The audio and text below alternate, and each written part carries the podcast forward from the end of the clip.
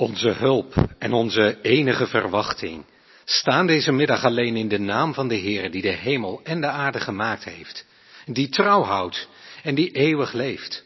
Ja, in de naam van die God die nooit loslaat enig werk dat zijn hand begon. Amen. Genade zij u en vrede van hem die is en die was en die komen zal. En van de zeven geesten die voor zijn troon zijn en van Jezus Christus, die de getrouwe getuige is, de eerstgeborene uit de doden en de overste van al de koningen der aarde. Amen. Gemeente, laten wij deze dienst voortzetten en laten we dat doen met Psalm 119, vers 88. Gun leven aan mijn ziel, dan looft mijn mond uw trouwe hulp. Bestuur mij in rechte sporen. Dus het 88ste vers van Psalm 119.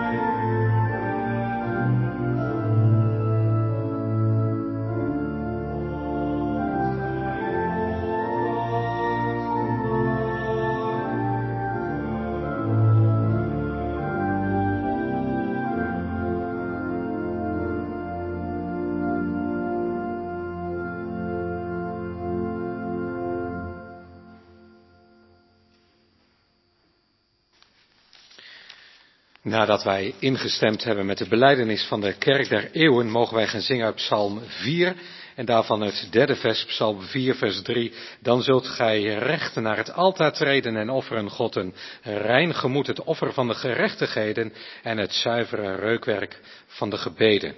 Dus het derde vers van Psalm 4 en dat als amen instemmend met de geloofsbeleidenis. En ieder van u spreekt in zijn of in haar hart met mij. Ik geloof in God, de Vader, de Almachtige, Schepper van hemel en van aarde. En in Jezus Christus, zijn enige geboren Zoon, onze Heer, die ontvangen is van de Heilige Geest, geboren uit zijn maagd Maria, die geleden heeft, onder Pontius Pilatus is gekruisigd, gestorven en begraven nedergedaald ter helle maar op de derde dag wederom opgestaan van de doden, opgevaren naar de hemel, waar hij zit aan de rechterhand van God, de Almachtige Vader, van waar hij komen zal om te oordelen, de levenden en de doden. Ik geloof in de Heilige Geest.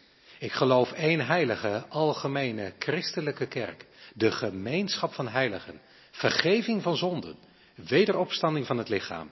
En ik geloof een eeuwig leven. Amen.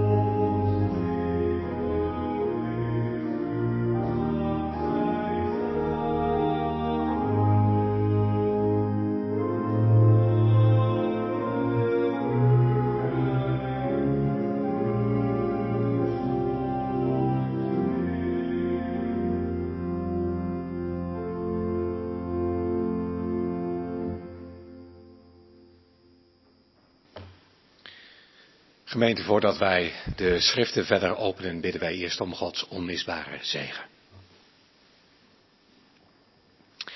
Heren, op de middag van deze dag van u danken wij uw grote naam.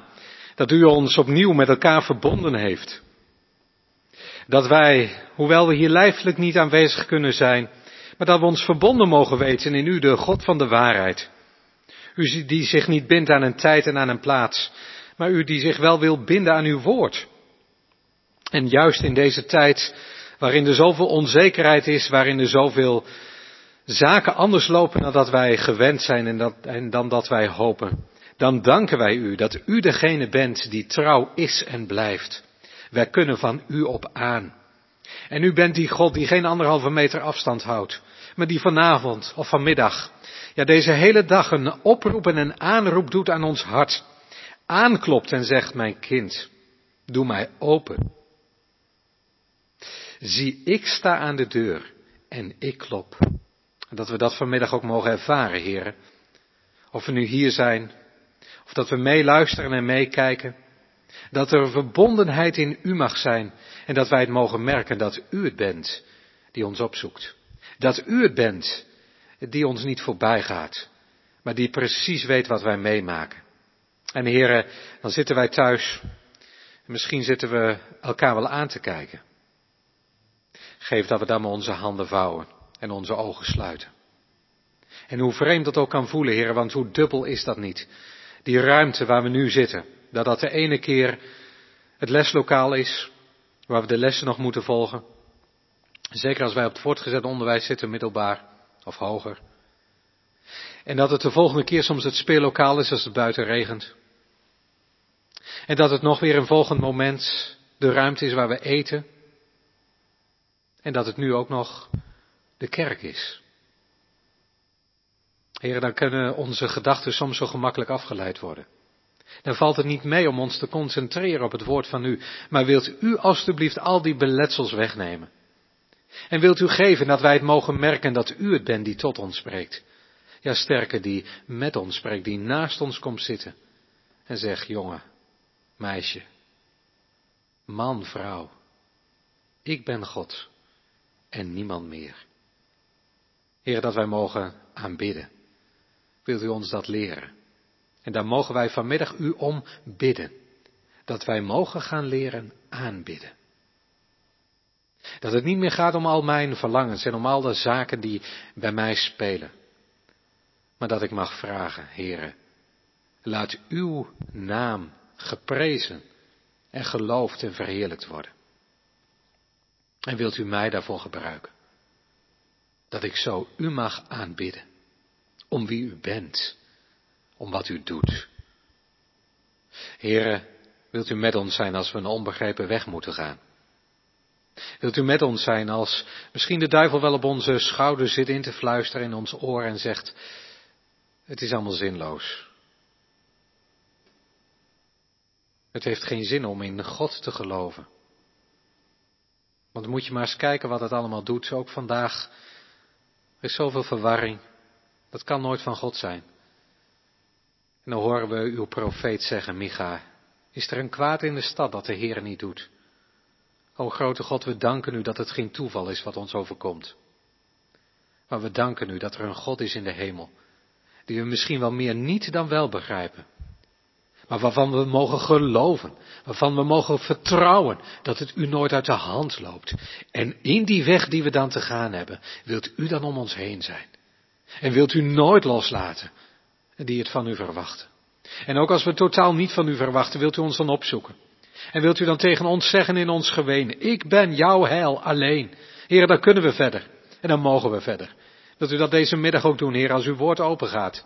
Wilt u geven dat het een plaats in ons hart mag vinden. En dat we dat niet kwijtraken. Dat niet de vogels alweer klaar zitten. Maar dat het wortel mag schieten. En dat het tot zegen mag zijn. Niet vanwege die dominee. Of vanwege die, dat kerkraadslid. Of vanwege die organist of die man van de techniek die vanmiddag hier in de kerk zijn. Maar vanwege uw grote naam. Niet vanwege de gemeente van Noordwijk. Maar vanwege uw grote naam. En laat die geprezen en verheerlijkt worden. Heren, we bidden het u. Wilt u zo alles laten meewerken tot verheerlijking van uw naam en laat het ook tot hel voor onze harten zijn. Wij smeken het in de naam waarvan u gezegd heeft dat u ons altijd hoort in de naam van onze Heer Jezus Christus alleen. Amen.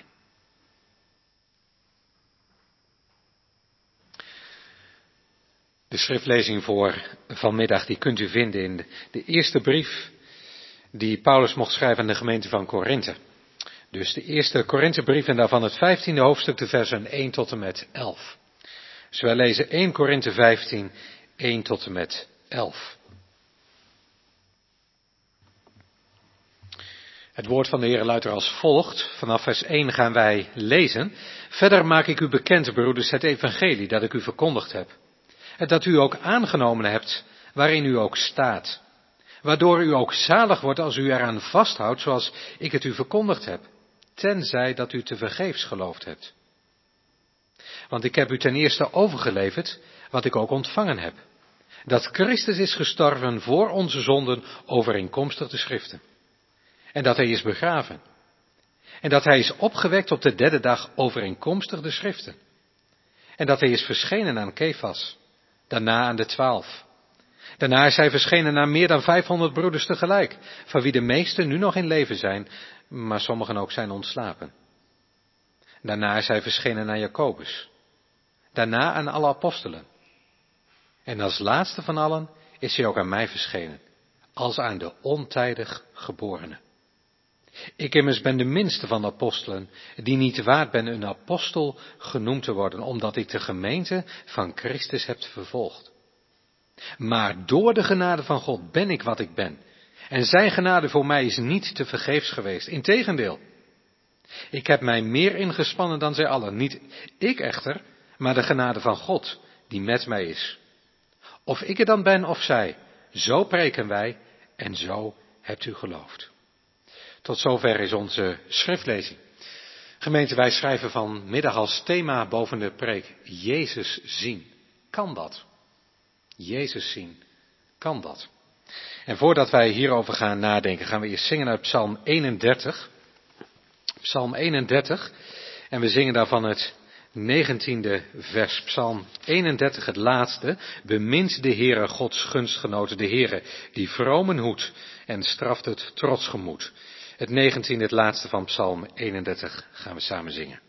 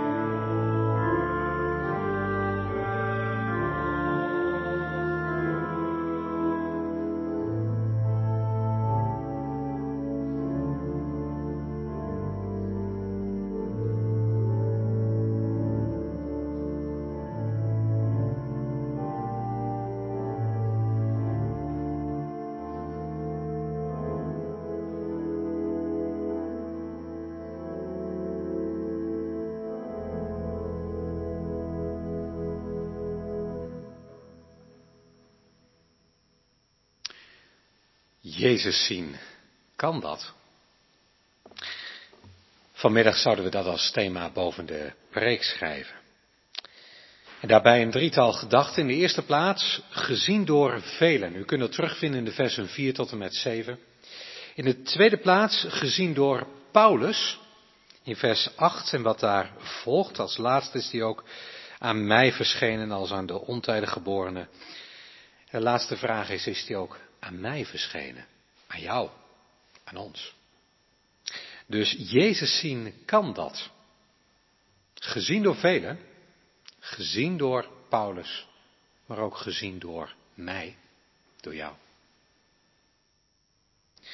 Er zijn van die mensen, die vergeet je nooit. Misschien ook wel eens situaties, omstandigheden, maar ook zeker mensen. En met de voorbereiding van deze preek moest ik denken aan een oude man. Ik was bij hem op bezoek. En deze man, hij was vol van zijn familie. Misschien herken je dat wel. In het begin wel een beetje te glimlachen. Dat je denkt, oh ja, opa. Ik kan me dat zo voorstellen. Of oma. Ze zeggen wel eens als je een ballon prikt. Zo'n soort effect. als je een ouder iemand die, die gelijk over degene die hem of haar lief zijn begint. Nou, deze man ook. Hij begon een heel verhaal over zijn kinderen en over zijn kleinkinderen, over zijn voorgeslacht. Ik vond het wel mooi.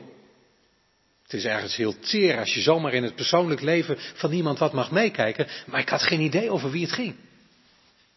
En toen, ik zie nog dat hij in zijn pantoffel schiet en dat hij met een, ja voor zijn doen, een snelle vaart naar die kast toe gaat en dat hij dan met een groot boek uitkomt. En wat was dat voor een boek? Je snapt het misschien al wel, het fotoboek. Het familiefotoboek. En hij slaat die bladzijde om en, en hij laat het mij zien en zegt, dominee moet, dus kijken. Hij zegt, dat, dat waren mijn vader en mijn moeder. En, en, daar, daar ziet u nog een plaatje van mijn opa. Weet je wel, daar had ik het net over.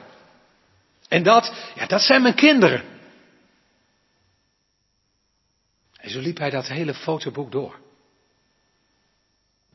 En toen kwam ik bij een foto. Ik zag nog een jong iemand. Maar het was een oude foto. Toen keek hij me aan. Toen zei hij, dominee, dat ben ik.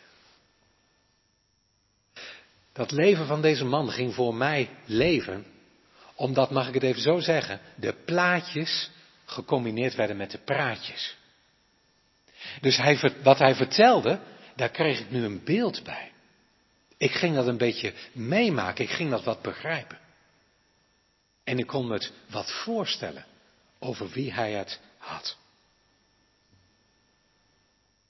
Dus als het ware die twee verhalen, die je ziet en die je hoort, die vielen hier als puzzelstukjes in elkaar. En daardoor ging dat hele verhaal van hem veel meer leven voor mij. Nou, eigenlijk doet Paulus hier in ons schriftgedeelte precies hetzelfde. Eigenlijk is Paulus hier in dit schriftgedeelte ook met datzelfde bezig dat hij met eerbied gesproken een fotoboek uit de kast pakt. Het fotoboek van God en dat hij ons meeneemt. Paulus, hij schrijft aan de gemeente van Korinthe. En wij hebben gelezen uit de eerste Korinthebrief. Tenminste, zo is die bij ons bekend in de Bijbel. Maar eigenlijk is dat de tweede brief. U kunt dat in het, in het vijfde hoofdstuk van deze eerste brief ook vinden. Hij zegt, ik heb jullie al eerder geschreven, maar blijkbaar vond de Heilige Geest het voldoende dat wij deze twee brieven van Paulus hebben aan de gemeente van Korinthe. Die eerste brief, dat is voldoende dat we het weten dat hij er geweest is.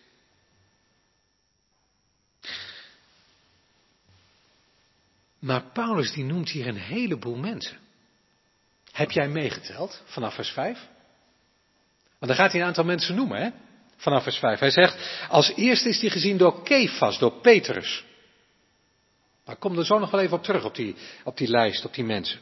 In de tweede plaats is hij ook gezien door de twaalf discipelen. Eigenlijk waren dat er elf, hè? Judas was niet meer.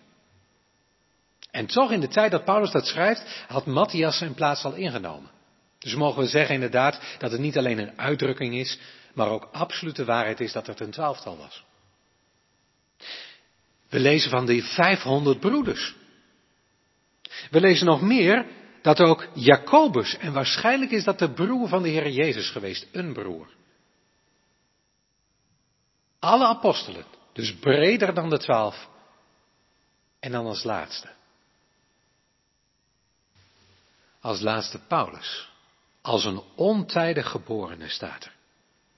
Dus als het ware doet, doet Paulus van, van, vanmiddag doet hij dat, dat fotoboek van God open en neemt je ons mee. En dan zegt hij, moet eens kijken. En die slaat die bladzijde zo om en zegt hij, moet eens kijken wie dat allemaal zijn. Heb je het gezien? Dus na de opstanding van de Heer Jezus, al die mensen die hem, die Jezus hebben gezien, in leefde lijf. En jammer is dat eigenlijk, hè? Je zou zo graag een van die mensen hier uitnodigen, hier vanmiddag zo voor in de kerk, hè? Van, van wil je er iets van vertellen? En ze, en ze, zouden als het ware ook, ook, net als die oude man, hun gezichten gaan stralen en zeggen, ja hoor, ik heb Jezus zelf gezien. Het is absoluut waar, Jezus leeft. Maar we kunnen niet meer aan een van hen vragen. Maar misschien wel aan een ander. Laten we maar eens mee proberen te luisteren. Misschien zeg jij, zegt u vanmiddag wel, ja dominee, ja, u vertelde misschien wel een beetje geestdriftig over de fotoboek en zo, maar is dat allemaal wel nodig? Hebben wij dat wel nodig? Al die plaatjes, om het zo te zeggen, alles wat Paulus zegt, hè, die hele lijst met al die mensen, je mag dat toch gewoon geloven dat Jezus is opgestaan uit de dood. Ja, maar in Korinthe, daar was wel het een en ander aan de hand. Grote stad in Griekenland, Europa. En daar liepen veel handelsroutes, ook door Korinthe heen. Het was een handelsstad. De westelijke handelsroute via Italië, maar ook de oostelijke, Azië. Maar deze stad die was ook erg goddeloos. Daar stond die stad onbekend. Een losbandige stad. En weet je wat je dan krijgt? Misschien kun je het wel vergelijken met onze tijd. Dat je als christen het niet makkelijk hebt. Beter gezegd dat het steeds moeilijker wordt. En ik denk eerlijk gezegd dat wij ook in die tijd leven en gaan leven waarin dat alleen maar moeilijker wordt. En dat is geen doemscenario, maar dat is wat het woord ons vertelt.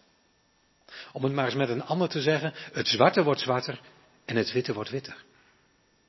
Dus je zult die twee kampen van degene die God lief hebben en degene die niets met God willen hebben, die zul je steeds duidelijker zien, die scheidslijn. Dat zag je in Korinthe. Maar dat gaan we ook in onze tijd meer en meer, juist als wij geloven dat wij in die eindtijd leven. De voetstappen van Christus horen, altijd gehoord, maar nu toch wel met name heel intensief. Dwaalleraars zijn er. En weet je wat die dwaalleraars zeggen? Die zeggen nou, Jezus uit de doden opgestaan. Ja, dat is wel een hele mooie gedachte, maar dat kan natuurlijk niet, hè? Dat begrijpen wij wel. Wie heeft dat nu ooit meegemaakt dat iemand uit de doden is opgestaan? Nee, dat bestaat. Weet je wat het is? En dat zeiden die dwaalleraars, onthoud dat goed, begrijp dat goed. Die dwaalleraars die zeiden dus van, ja maar het is een idee geweest. En dat is een prachtige gedachte. En wat schetst onze verbazing, dat ook in onze protestantse kerk in Nederland vele predikanten juist dat leren. Jezus is niet echt uit de doden opgestaan. Nee, dat kan niet. Dat bestaat niet. Maar het is een prachtige gedachte geweest voor de discipelen. En als je daar nou in gelooft, dat Jezus als het ware uit de doden zou opstaan, nou dan kun je als gemeente verder leven. Ja, zegt Paulus, en je proeft het als het ware, dat hij dan of opveert dat ja, maar zo is het niet. En daarom moet je ook fel van leer trekken tegen die dwaalleraars daar in Korinthe. Zo is het niet. Jezus is wel opgestaan. Hij leeft. Anders had hij de dood en de duivel nooit kunnen overwinnen.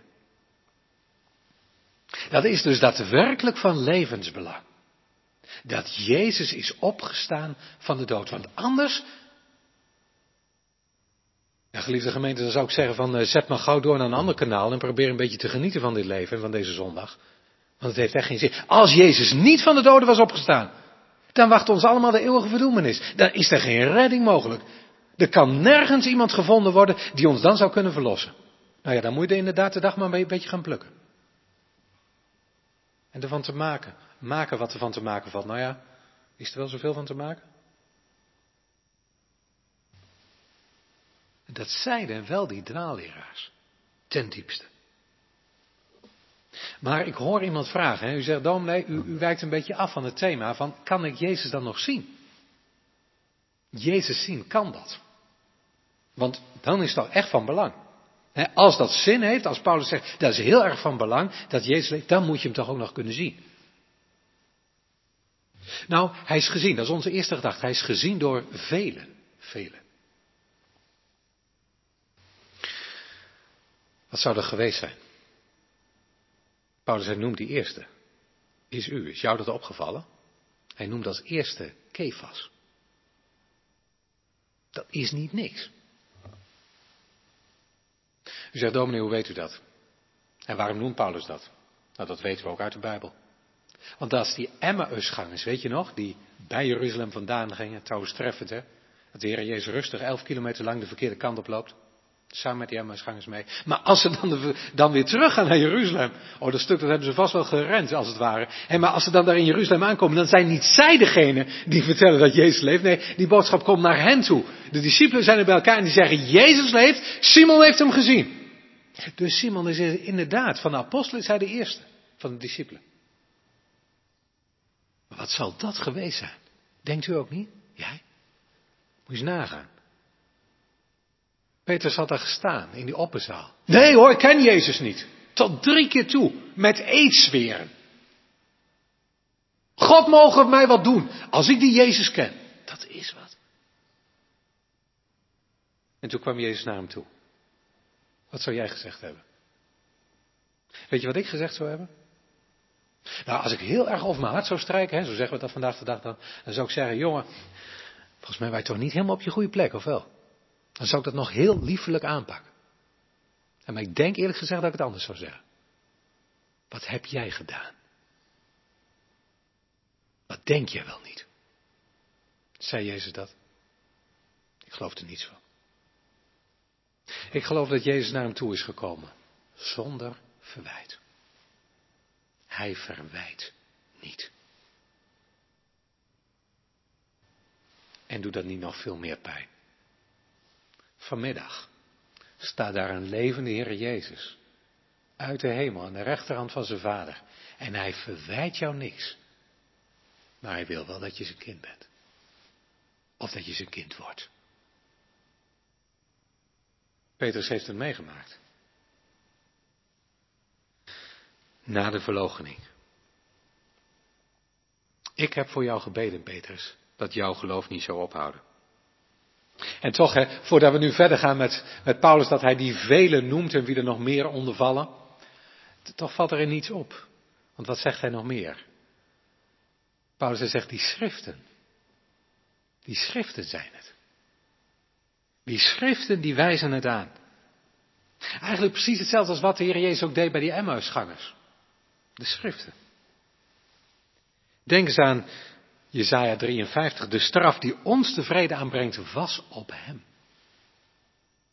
Als een lam werd hij ter slachting geleid. Of Psalm 118. De steen door de bouwlieden verworpen is geworden tot een hoofd van het hoek. De hoeksteen. Psalm 22. Waar David het uitriep. Mijn God, waarom hebt u mij verlaten? Voor Jezus uitzong. Naar de schriften. Maar Paulus die is nog niet klaar met zijn fotoboek. Nou ja, met Gods fotoboek. Want we, zijn nog maar op de eerste bladzijde. En we hebben alleen nog maar de foto van Kefas, van Simon Petrus gezien. En, en, en Paulus die gaat omslaan. En dan ziet hij nog, nog meer foto's. Wat dan?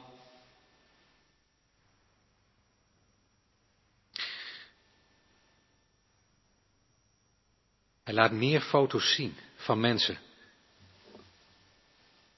ja, die ook niet om door een ringetje te halen zijn geweest. En Paulus zelf is dat ook niet. Maar hij wil ons meenemen en hij wil ons dat fotoboek van God laten zien. En weet je waarom Paulus dat zo graag wil? Waarom hij ons die plaatjes ook wil laten zien? Hij kent het zelf maar al te goed. Hoe moeilijk het is. En hoe je soms in de war gebracht kunt worden. Hoe je soms heen en weer geslingerd kunt worden.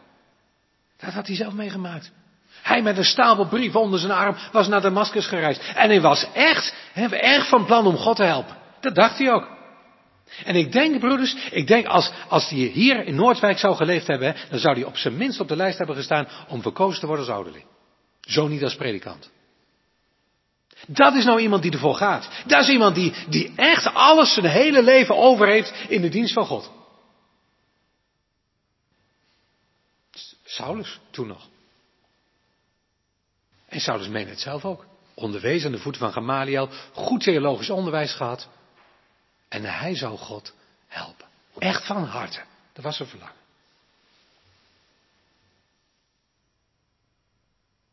Een Joodse rabbi. Dat was hij.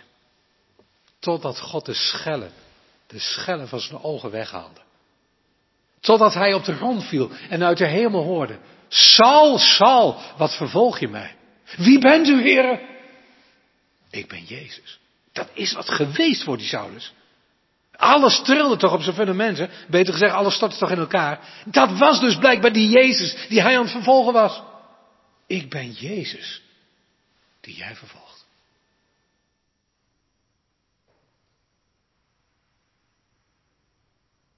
Toen ging hij het echt zien. Toen gingen zijn ogen echt open. Zien wat er in het woord staat. En Petrus, van de eerste foto, ja, hij mocht het al eerder zien. U zegt, dominee, ik, eh, ik mis nog een groep. Want u heeft genoemd Petrus en nu al iets van Paulus. In ieder geval de aanleiding. Maar ik mis nog een groep. En daar heeft u gelijk in. De vrouwen die missen wij. Zijn die dan van minder belang? Nee, die zijn niet van minder belang. Maar blijkbaar dat in de cultuur van Korinthe, dat het daar niet zegenrijk was, of in ieder geval geen toegevoegde waarde had om deze vrouwen te noemen. Ze zijn daarin niet van minder belang. Zeker niet in de ogen van God, want aan wie verscheen de Heer Jezus als eerste? Aan een vrouw, aan Maria Magdalena. Dus laten we dat niet zien dat vrouwen hierin achtergesteld worden. Alleen, ze worden hier niet genoemd. Terwijl ze toch een belangrijke groep vormen rondom de Heer Jezus. Maar wie worden er dan wel genoemd? Die 500 broeders. Nou, die bijnamen. Eerst de discipelen nog. Eerst zonder en later met Thomas. Zij die Jezus hadden verlaten. Zij die Jezus hadden laten gaan. En Jezus zoekt hen op. Hier ben ik. Dat is wat geweest voor deze mannen, voor deze discipelen. Maar dan, en ik noemde ze net al, dan opeens die 500 mensen, die 500 broeders op één moment. We kunnen ze ook terugvinden in Matthäus 28, vers 17. Daar wordt daar ook aan gerefereerd. Wellicht, wellicht zijn dat de mensen geweest die wij ook tegenkomen in Matthäus 5 tot en met 7. Weet jij wat er staat? Matthäus 5 tot en met 7. Niet meer vergeten. Dat is de bergreden. Die de Heer Jezus vanaf de berg gezeten tot de schare die voor hem stond sprak. De bergreden. Wat hebben die mensen meegemaakt? Dat zij daar blijkbaar weer samen zijn geweest, die 500 broeders, misschien wel meer, maar in ieder geval die 500. En dat er daar Jezus weer bij hen was. Het was weer als het ware als van ouds. Het was weer goed even. Ja, haast de hemel op aarde. Jezus was er. Hij openbaarde zich, hij liet zich zien. En al die 500, die kunnen daarvan getuigen, die kunnen dat vertellen. En dan zegt Paulus er ook bij, hij zegt, sommigen daarvan zijn ontslapen, die zijn gaan slapen in de Heer Jezus. En zo mochten ze eeuwig thuiskomen. Maar er zijn er ook nog sommigen van die leven. Toen. En nu dan? Daar kom ik zo op.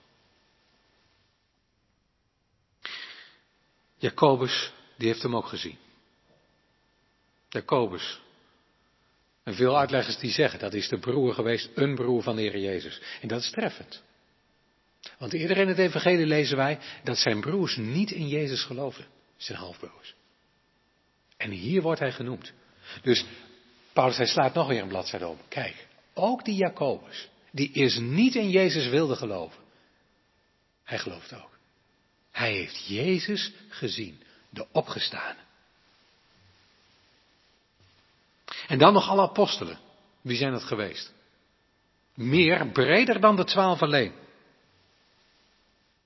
Alle uitgezondenen. Apostello, uitgezondenen. En Jezus, hij heeft zich laten zien voor zijn hemelvaart. Maar wij kijken vanmiddag mee.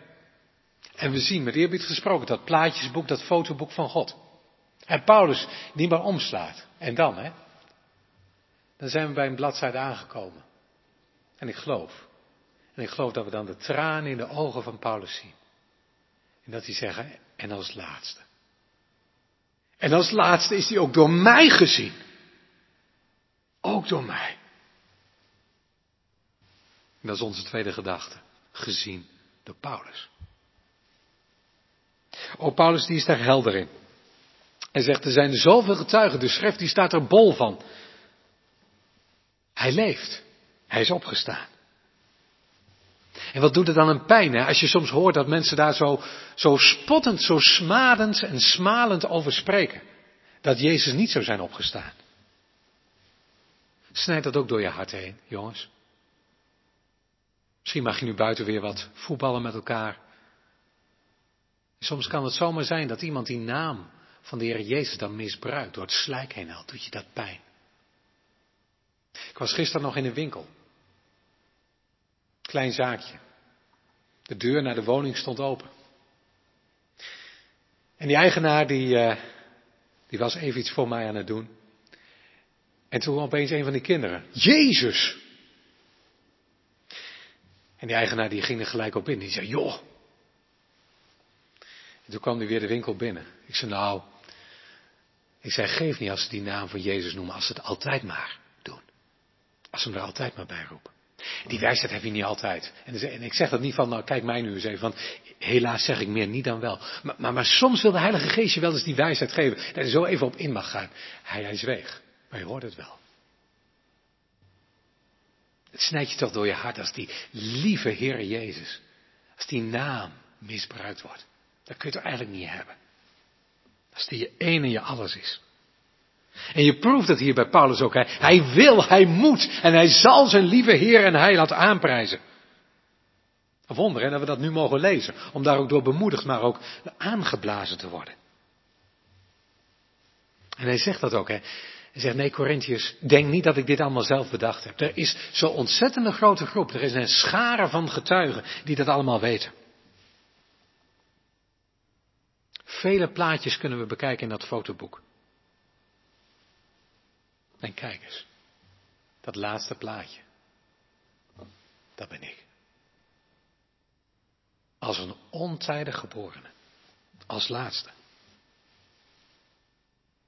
Als een onvolkomen baby. Een onvoldraag. Beter gezegd, eigenlijk zou je letterlijk ook kunnen vertalen, trauma staat er maar, niet verenigbaar met het leven. Ik was niet verenigbaar met het leven. En toch, toch staat ook mijn plaatje in Gods fotoboek. Hoor je dat die verwondering van Paulus? Ook ik heb Jezus mogen zien. Hij is ook gezien door mij, dat staat er letterlijk. eigenlijk, eigenlijk moet je het zo vertalen. In het Grieks is dat mooi om dat te lezen. Er staat, Jezus, hij heeft zichzelf laten zien als een ontijdig geborene. Hoe staat dat er? En eigenlijk, eh, ja, je, je zou het eigenlijk heel strikt moeten vertalen. En hij is ook aan mij verschenen als van de ontijdig geborene als laatste door mij. Dus dat mij, dat staat helemaal achterop in het Grieks. Proef je dat? Dat is niet voor niets. Hij is niet waard. Maar hij heeft toch Jezus mogen zien. Jezus. Ook zijn plaatje staat erbij. Op de valreep. Heel laat, maar niet te laat. Na de hemelvaart. Waarom niet eerder? Toch staat zijn plaatje erbij, zijn foto. Wonderlijk, hè? zul je dat niet vergeten? Kijk, als God in je hart en je leven gaat werken, dan ga je niet hoog van de toren blazen. Kijk maar eens naar een Paulus. Maar dan ga je wel goed van je koning spreken, van Jezus. De minste. De minste van alle apostelen. Ik was een vervolger. Ik dacht heel goed bezig te zijn. Oh, en hoe vaak kan het niet zijn, broeders? Hoe vaak kan het niet zijn dat je misschien, als je eerlijk bent, hoe vaak ben ik niet een vervolger? Je zegt een vervolger, ja, dan bedoel ik een obstakel voor Gods gemeente. Met de dingen die ik vind. Met de dingen die ik doe. Of die ik juist niet doe. Met de dingen die ik zeg. Of die ik juist achterwege laat. Hoe gemakkelijk kunnen wij niet een obstakel zijn? In het koninkrijk God. Hoe vaak, met eerbied gesproken, lopen wij God niet voor de voeten? Paulus die mocht dat zien en die moest dat zien. En wees nou eens eerlijk, hè? misschien zit je wel thuis. Als vader en moeder met kinderen. Wees nou eens eerlijk, hè? Hoe vaak ben je als vader of als moeder niet van je plek geweest? Dat je misschien wel een obstakel bent geweest voor je kinderen. Beleid dat maar. Dat is niet makkelijk, maar het is wel heilzaam. Ik moet het doen als predikant, als ambtsdrager, als organist. Hoe gemakkelijk kun je niet een obstakel vormen? Dat de verkeerde toon aanslaat. Niet de speelfout, maar u snapt het denk ik. Hoe gemakkelijk een obstakel. Of als kind. Dat je papa of mama pijn hebt gedaan, op het hart hebt getrapt. Beleid het maar aan elkaar. Doe het maar. Nu. Kijk elkaar maar eens aan. Wil me vergeven? Alsjeblieft. Want het vormt zomaar een obstakel naar de Heer toe. Al die dingen die wij in ons leven doen. Obstakels. Paulus meende het ook zo goed te weten. Totdat hij moest gaan zeggen, wat wilt u dat ik doen zal? Ik meen soms zoveel te weten, maar wie bent u eigenlijk? Wat wilt u dat ik doen zal? En kijk dan nog eens in het plaatjesboek, in dat fotoboek. Dat zijn nu allemaal getuigen van een levende Heer Jezus. En ze hebben Hem gezien. U zegt, ja dominee, maar, maar u, u weet het makkelijk of gemakkelijk leuk te manoeuvreren, maar, u komt niet bij uw thema. Dan heb je gelijk. Jezus zien, kan dat? Kan dat? Maar dat is toch niet letterlijk? Paulus heeft Jezus toch niet letterlijk gezien? Mag ik dan eens een vraag stellen? Waaraan herken je Jezus? Er staat dat Jezus geen gedaante of heerlijkheid had dat wij hem zouden begeerd hebben. Dus Jezus was geen opvallende popster of noem maar op. Waaraan herken je dan Jezus? Is dat niet aan wat hij zegt en aan wat hij doet? En dan ga ik je een vraag stellen, dat is geen flauwe vraag. Maar dan ga ik je een vraag stellen. Heb jij Jezus wel eens gezien? Dat je hem herkent aan wat hij zegt en aan wat hij doet. Misschien zie je hem dan vanmiddag wel. Ja, u zegt maar, maar dan komt u toch weer om, uiteindelijk valt u door de man, dominee, want, want dan ga je Jezus niet letterlijk zien. Hij Jezus letterlijk zien. Weet je dan wel waar je het over hebt? Ik denk dat jij het over de duivel hebt. U zegt, dominee, ik over de duivel. Ja, want de duivel dat is een schepsel. De duivel zou je kunnen zien. Een gevallen engel.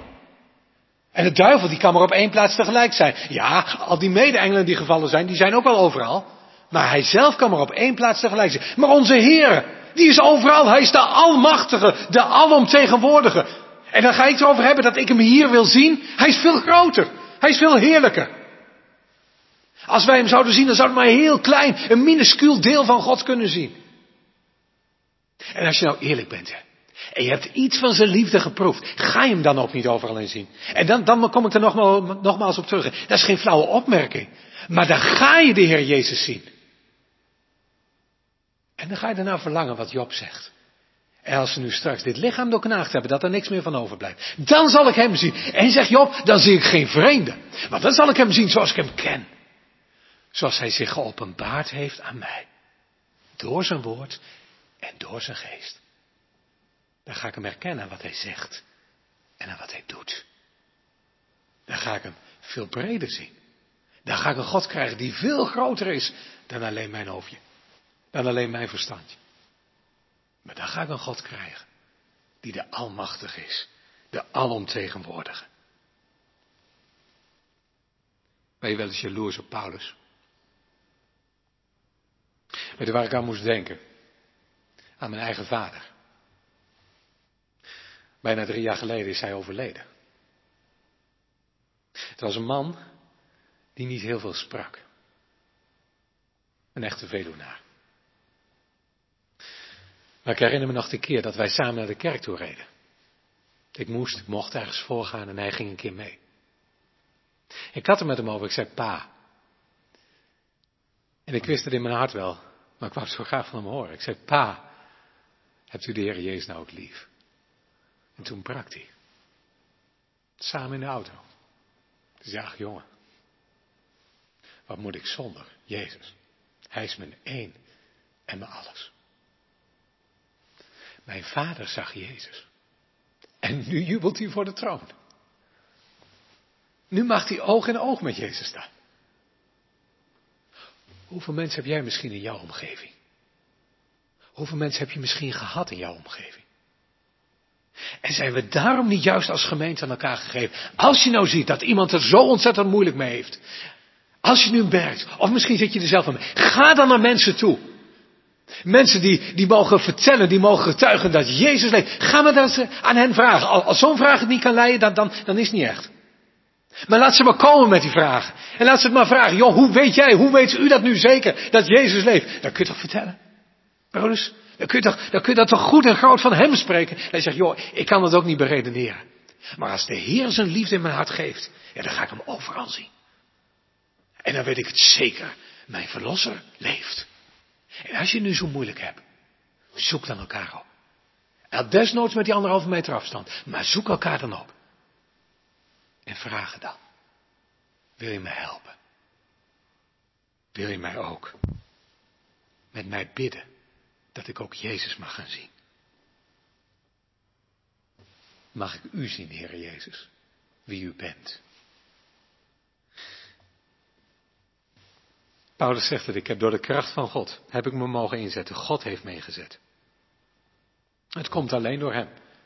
Door hem die zich aan mij heeft geopenbaard. Nou, en dan zegt uh, Paulus, die zegt amen, dat is de preek. Dat is de preek. En dan gaat, mag ik het even zo zeggen, dan gaat het fotoboek dicht. Nou, even nog. Even nog. Want dat is onze laatste gedachte, is die ook gezien door mij. Door jou. Ja, hij biedt zich aan, de Heer vanmiddag. Je hoeft er niks voor te doen. Hij staat zelf aan de deur van je hart te kloppen. Hij houdt geen anderhalve meter afstand, zelfs geen anderhalve millimeter. Maar hij komt aan je hart en die zegt, mijn zoon, mijn dochter, geef mij je hart. Ik wil je voor eeuwig gelukkig hebben. Dat kun je toch niet onbeantwoord laten? Zoveel liefde van de Heer. Daar kun je toch niet aan voorbij gaan? Heren, mag ik u zien? Weet je wat ik nu aan je wil vragen? Aan u. Om vanmiddag, na kerktijd, om nu eens een keer niet de Bijbel open te slaan, dat mag ook. Maar om nu straks vanmiddag eens naar uw eigen kast te gaan, na kerktijd zo. En om dan het familiefotoboek, misschien wel je trouwboek, en de trouwfoto's, pak die maar eens tevoorschijn. En ga er nu samen eens doorheen kijken. En, en ga er eens over hebben met elkaar. Je misschien wel zeggen, dat, dat is opa. En, dat is oma. En opa, opa die juicht voor de troon van God. En die oom van je, die leeft ook al niet meer. Maar die mag voor eeuwig bij God leven. Jij zegt u dominee, maar, maar u weet niet wat voor moeilijkheid u op mijn hals, op mijn hals legt. En wat, wat, wat ik daar allemaal op mijn hals haal daarmee. En wat, hoe moeilijk dat is. Want ik heb mijn familie die helemaal niets van God weet. En eerlijk gezegd, ik weet het ook niet. Pak dan toch dat fotoboek. En ga dan toch met elkaar in gesprek. En laat het dan niet alleen bij een gesprek blijven, maar kom dan op de knieën. En zeg dan, papa die weet het ook niet. Papa die worstelt daar ook nog mee. Maar zullen we samen om bidden? Of de Heer zich ook wil laten zien aan mij, aan ons? Doe dat alsjeblieft. Ga het samen vragen aan de Heer. Want wie hem nederig valt te voet, die zal van hem zijn wegen leren. Daar gaat de Heer niet aan voorbij. Dat heeft hij beloofd. Daar mag je ja en amen op zeggen. Dat doet hij. Oh, wat zou dan toch een wonder zijn. Als je dan net, hè, net als die oude man. Als je dan in dat fotoboek mag kijken, daar dan zegt hij, en die foto. Die foto, hè, die is nu van papa. En papa mag het ook weten, dat ik in het fotoboek sta van de Heer Jezus. Ik verdien het niet. Net als, als Paulus. Niet verenigbaar met het leven, want papa maakt zoveel fouten in het leven. Papa gaat heel vaak niet goed met jullie om. Papa doet heel veel fouten maken naar mama toe. En toch, en toch, papa die rekent vaak niet met de Heer. En toch ziet de Heer in liefde op papa neer. Ja, ook mijn foto. In dat fotoboek van Jezus. Ja, dan gaat het licht doorbreken. Paulus, hij was drie dagen blind. Maar toen ging dat licht doorbreken van God. En dan kun je niet stoppen om dat licht door te geven. Daar zorgt de Heer zelf voor. Dan ga je Hem zien. En meer en meer naar Hem verlangen. Oh, laat het niet op een verroeging uitlopen. Dat het fotoboek zag, maar het opzij legde. Maar dat nu straks, wat in Psalm 87 staat, dat is geen, geen typfout, hè? maar dan wordt ook mijn naam met lofgejuich geprezen. Dan zullen daar ook die blijde zangers mijn naam bezingen. Door u alleen, om het eeuwig welbehagen. Samen met Paulus. Kijk, dan krijgen al die plaatjes, die krijgen een verhaal. Dan klopt het. Omdat zijn licht schijnt. En die laatste foto, dat ben ook ik. Door zijn genade. Om Jezus wil. Amen. Gemeente, laten we samen met Simeon gaan meezingen.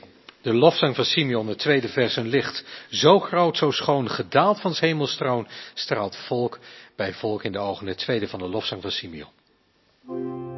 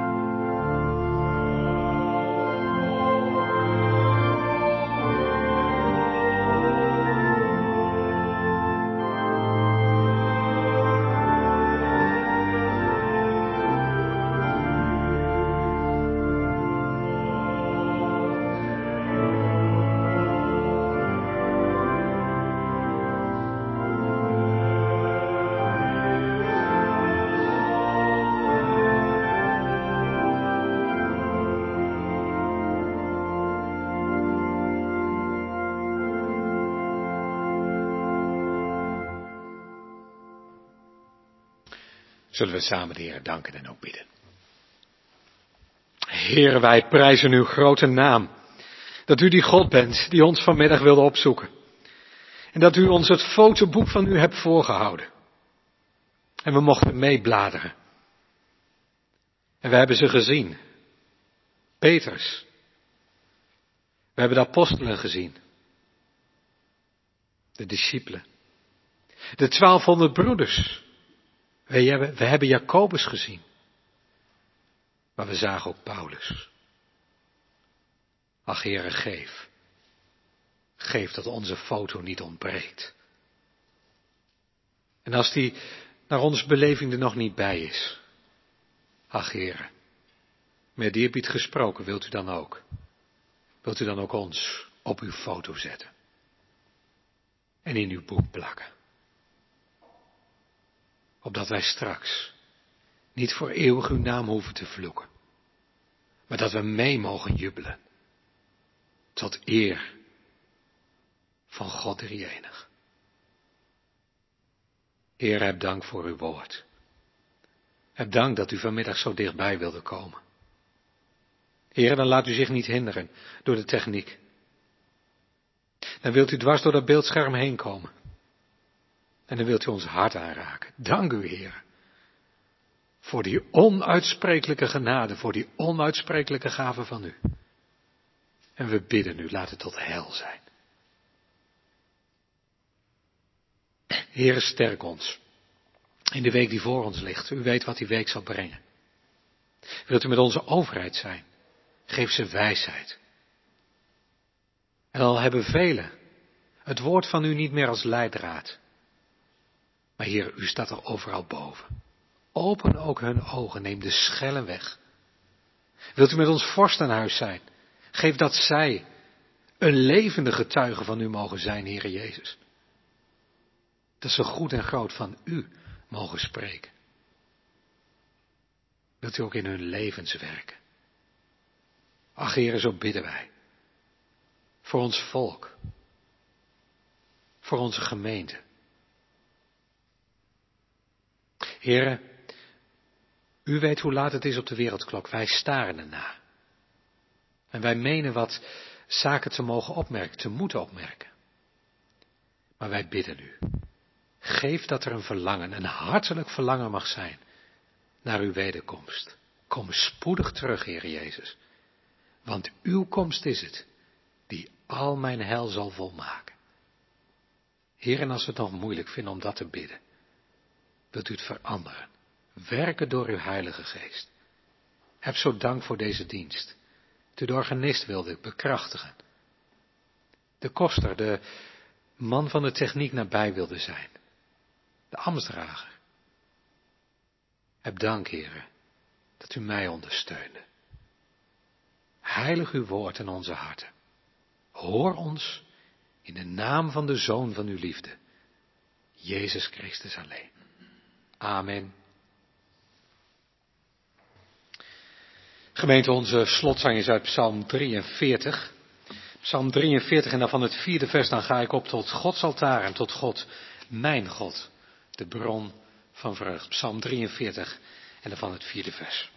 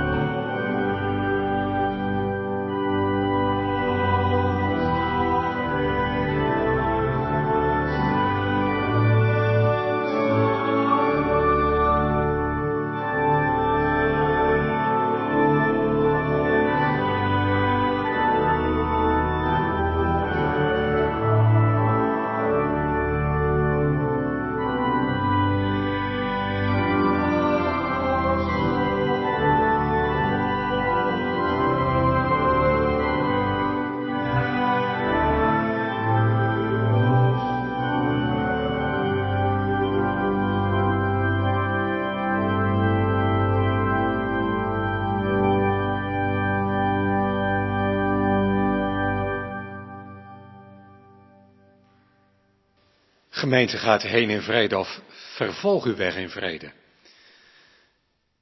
En wees een zegen, opdat de Heer door u en door jou ook zijn zegen zal verspreiden.